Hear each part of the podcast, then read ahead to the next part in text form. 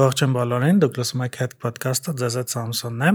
Այսօր Head-ի ստուդիայում են Head-ի լրագրողներ Քրիստինեն եւ Ամալյան։ Ողջույն։ Ողջույն։ Ողջույն։ Երևի բոլորին հայտնի փաստ է, որ Հայաստանում մեքենաների վրա կատալիզատորներ չկան,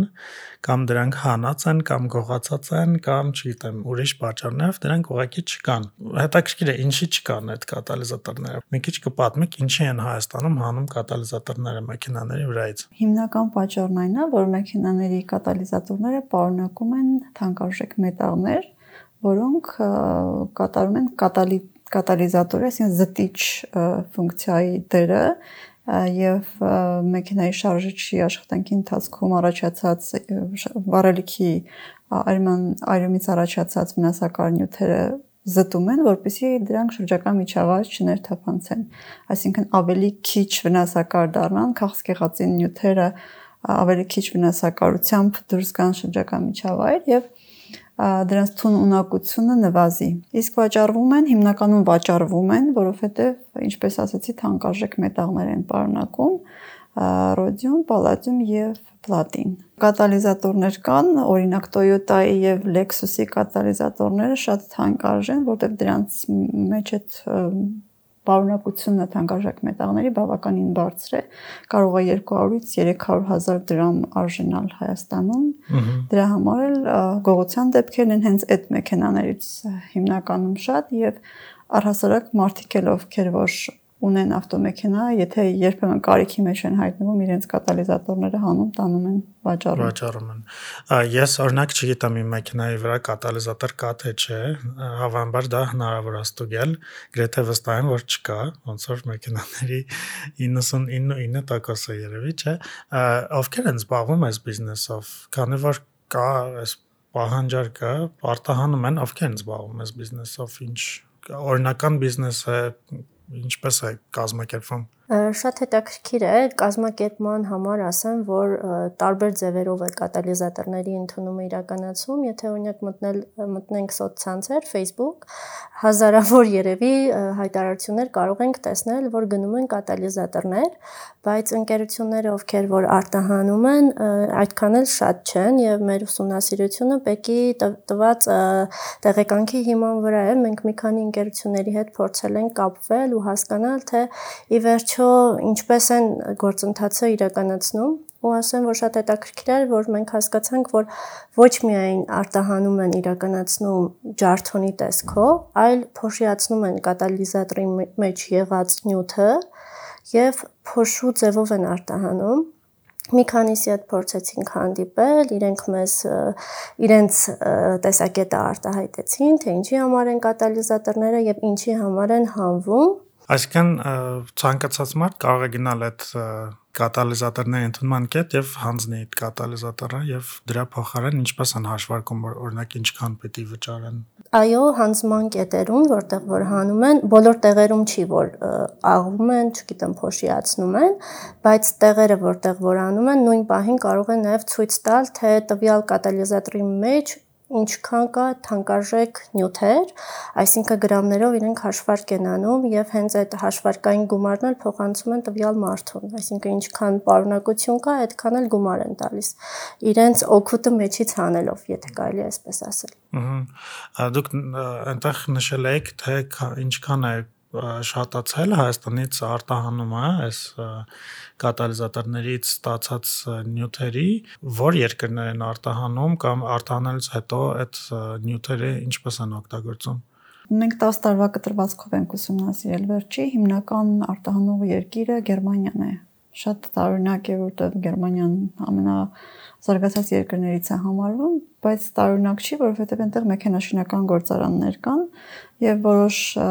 արտահանողներ խոստովանեցին, որ իրենք հանձնում են մեքենաշինական գործարաններին ու այս բարագայում արդեն parza որ կատալիզատորը գնում է, վերադառնում է նույն գործարան, դառնում է նորից կատալիզատոր, որպեսզի կատարի իր ֆունկցիան, հետեւապես ինչ իմաստ ունի այդ արանքի շղթայի աղալը, չգիտեմ, տանելը, հանձնելը, Իհարկե հանողներն ասում են, որ դա ժամանակի ընթացքում շարքից դուրս է գալիս եւ պետքա ենթադրենք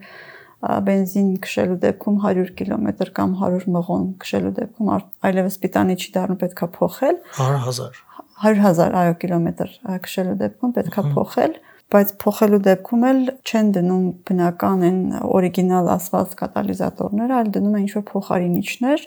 որոնք արդեն չեն ծառայում 100.000 կիլոմետր, ծառայում են 30-ից 50.000 կիլոմետր ու դրանք բարբերաբար պետքա փոխել։ Ահա, այսինքն կատալիզատորը ստացվում է յուղի ֆիլտրի նման ինչ որ մի Այո, այդպեսի մի շատ կարևոր սարք է մեզ համար, որտեղ մենք շնչում ենք օդը, իսկ մենք շնչում ենք հիմնականում Երևանում սարսափելի վատ օդ է գիտենք եւ մեքենաներն ինչքան են շատացել վերջին տարիներին, մենք շնչում ենք 90%-ով հանված կատալիզատորներ չկան այդպես է վիճակագրությունը 90% մեքենաների վրա չկա կատալիզատոր ու մենք շնչում ենք այդ օդը, որ արտանետվում է մեքենաներից։ Այսինքն այն արտանետումները, որոնք որ մեքենայից դուրս են գալիս, կատալիզատորների բացակայության պարագայում շատ ավելի վնասակար են Քան եթե լիներ գեղածին նյութեր են պարունակում, եթե լինի, դա թունունակությունը նվազում է, հավասարվում է գրեթե 0-ի։ Հետաքնող լրագրողներից հետ ոդկաստ։ Իսկ օրենսդրության տեսանկյունից ուսումնասիրել եք օրենքը ինչ ընդհանրապես անդրադառնում է կատալիզատորների պարտադիր արկայությանը կամ բացակայությանը, ինչպես է կարգավորվում։ Ուրեմն ներմուծման մեքենաների ներմուծման դեպքում գործում է CO-ի ստուգման, այսպես ասած, համակարգ, որ ստուգում են արդյոք CO-ն էս ինչ չափականակից բարձր է թե չէ, եթե բարձր չէ, թույլատրվում է, բայց մանրամասն չի ստուգվում, թե ինչպես կա կատալիզատոր, չկա, փոխարինի չէ, ինչ է եւ այլն։ Ամեն դեպքում այս պահին օրենսդրական նախաձեռնություններ են ի հայտ եկել երկու տարբեր գերատեսչությունների կողմից, մեկը շրջակա միջավայրի, մյուսը էկոնոմիկայի նախարարության, որովհետև վիճակը օրհասական է օթի Երևանի եւ շրջակա միջավայրի նախարարությունն առաջարկում է, որ տեղզնման ժամանակ պարտադիր ստուգման պայման դառնա կատալիզատորի արկայությունը, իսկ էկոնոմիկայի նախարարությունն առաջարկում է արգելել թափոնների եւ այդ աղացած նյութերի արտահանումը բայց արկելքը չգիտեմ որքան ով է ճիշտ, որտեղ արկելքը ի վերջո ժամանակավորապես են դնելու 6 ամսյա ժամկետ, հետո ինչա լինելու, բա լավ է թափոնները ինչ են լինելու, այդպիսի հարցեր են առաջանում։ Շրջակա միջավայրի նախարարության առաջարկած փոփոխությունն էլ իրագործելի չի է սպարագայում, որտեղ Եթե դու մեքենա ունես, գիտես որ տեղզնության ժամանակ միայն ագերն են ստուգում, կներեք, անիվներն են ստուգում, տորմուզները լավ, արկելակները լավ են աշխատում, թե չէ։ Ուրիշ բան այս պահին, այս պահին չի ստուգում եւ սարքավորումներ համապատասխան չունեն, որ ստուգեն քո կատալիզատորը լավ աշխատում, որքան արտանետում ունի կամ առհասարակ փոխարինի չա դրած, որ աշխատում է թե չէ, թե կներեք սվարկած կամ զոդած այդ հատվածը։ Այդպիսի սարքավորումներ դեռ չկան։ Այսինքն միայն կարող են ստուգեն կատալիզատոր կա թե չէ, եթե չկա, չգիտեմ, տեղզնման բանը չտան։ Այո, կտրոնը չեն տա բայց ներկայացուցիչը շրջակա միջավայրի նախարարության ասաց, որ լրամշակման են ուղարկել այդպիսի հարցերը տեխնիկապես հագեցնելու տեղզնման կայաններ, այդպիսի հարցերը լուծելու համար։ Այդ դեպքում մի ուրիշ հարց է առաջանում, որ մեքենայի տերը, եթե գնել է մեքենան արդեն առանց կատալիզատորի եւ ինքը չի հանել, կամ այն դեպքում երբ որ կատալիզատորը գողացել են, եղել է, բայց գողացել են, այդ դեպքում ինչ պիտի անի այսինքն պետք է նոր կատալիզատոր գնաս դնես, որ տեղ հասմոտրի օրենք այստեղ մի շատ ված օրենք չէ, այսինքն փոփոխությունը կառավարության որոշման է իմ կարծիքով ոչ ճիշտ կետ է դրել, որ տարածվելու է 2020 թվականից հետո ներմուծված մեքենաների վրա։ Այսինքն քո մեքենան, եթե դրանից առաջ է ներմուծված, որևէ խնդիր չունենա, այո, դա տարածվելու է միայն 20 թվականից հետո ներմուծվածների համար։ Մի կարևոր նկատառում եմ ուզում անել, խոսք վերաբերում նոր կատալիզատորներին։ Մենք մի քանի պահեստամասեր վաճառող կետերից փորձեցինք ողջել թե հնարավոր է օրինակ իմ մեքենայի համար ներմուծեմ ինձ պետքա կատալիզատոր որտեվ շարքից դուրս է եկել այսպեսի հեգնանքով պատասխանեցին ձեզ հարմար չի լինի օրինակ ասում բայց դուք ինչ գիտեք ինձ հարմար է թե չէ ես ուզում եմ ուղղակի փոխեմ իմ շարքից դուրս է եկել ասում նման պրակտիկա չունենք մեզնից ոչ մեկ կատալիզատոր չի պատվիրել դեռևս իսկ պատվիրելու դեպքում հետո ճշտեցինք որ եթե ուզում ես պատվիրել վին կոդով եւ այլ եւ այլով դա 1500-ից 2000 դոլար կարժենակով է, եթե օրիգինալ իսկական քո մեքենայի կատալիզատորն ես պատվիրում եւ արտահանողներից մեկը էլի հեգնանքով պատմեց, որ մեկը Nissan March-ի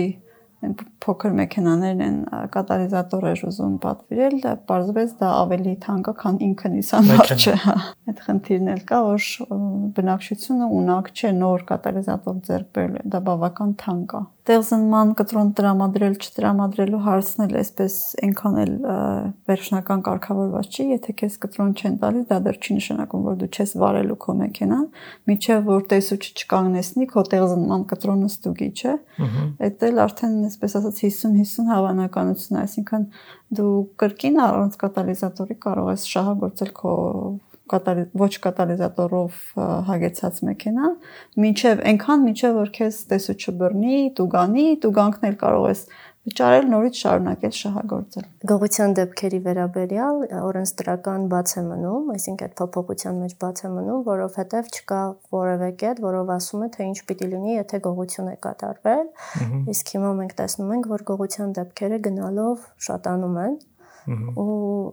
հիմնականում նորից անդրադառնանք Facebook-ին, մեր բացահայտումները ոնց ա եղել, որ Facebook-ի օգտատերերը շատ հաճախ ուղակի գրառումներ են անում, որ օրը ցերեկով իրենց մեքենայի վրայից փողոցում կանգնած ուղակի կատալիզատորը հանել են։ Հետաքնող լրագրողներից հետ ոդկաստ։ Ուսումնասիրել եք ուրիշ երկրներում նման իրավիճակ կա, այսինքն չգիտեմ Վրաստանում կամ այլ տարածաշրջանի երկրներում կատալիզատորները էլի նույն կերպ հանում են, վաճառում են, թե այնտեղ ոնց են կարգավորում ուսումնասիրել եք այդ։ Վրաստանում այո կա, այնտեղ են վաճառում, հենց այս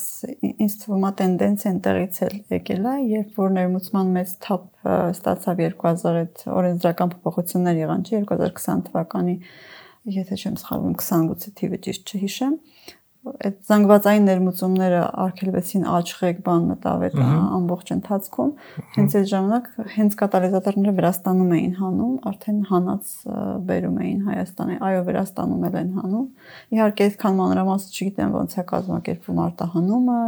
ինչ ծավալների է հասնում բայց որ այո այնտեղ են հանում դա փաստ է ըհը Եվս մի հարց, ասացիք, որ եթե արտահանումը վերջի վերջո արկել են, այդ դեպքում այդ թափոնները ինչ պիտի արվի այդ թափոնների հետ Սա հարց է, որը արտահանողներին շատ էր հուզում, երբ որ մենք հանդիպեցինք, իրենք ասում են, որ լավ, եթե մենք հիմա այս գործը անում ենք, մեր գործը դադարեցվեց, բայց ամեն դեպքում բնապահպանական ինչ որ խնդիրներ առաջանալու են, որովհետև վերջի վերջո թափոնները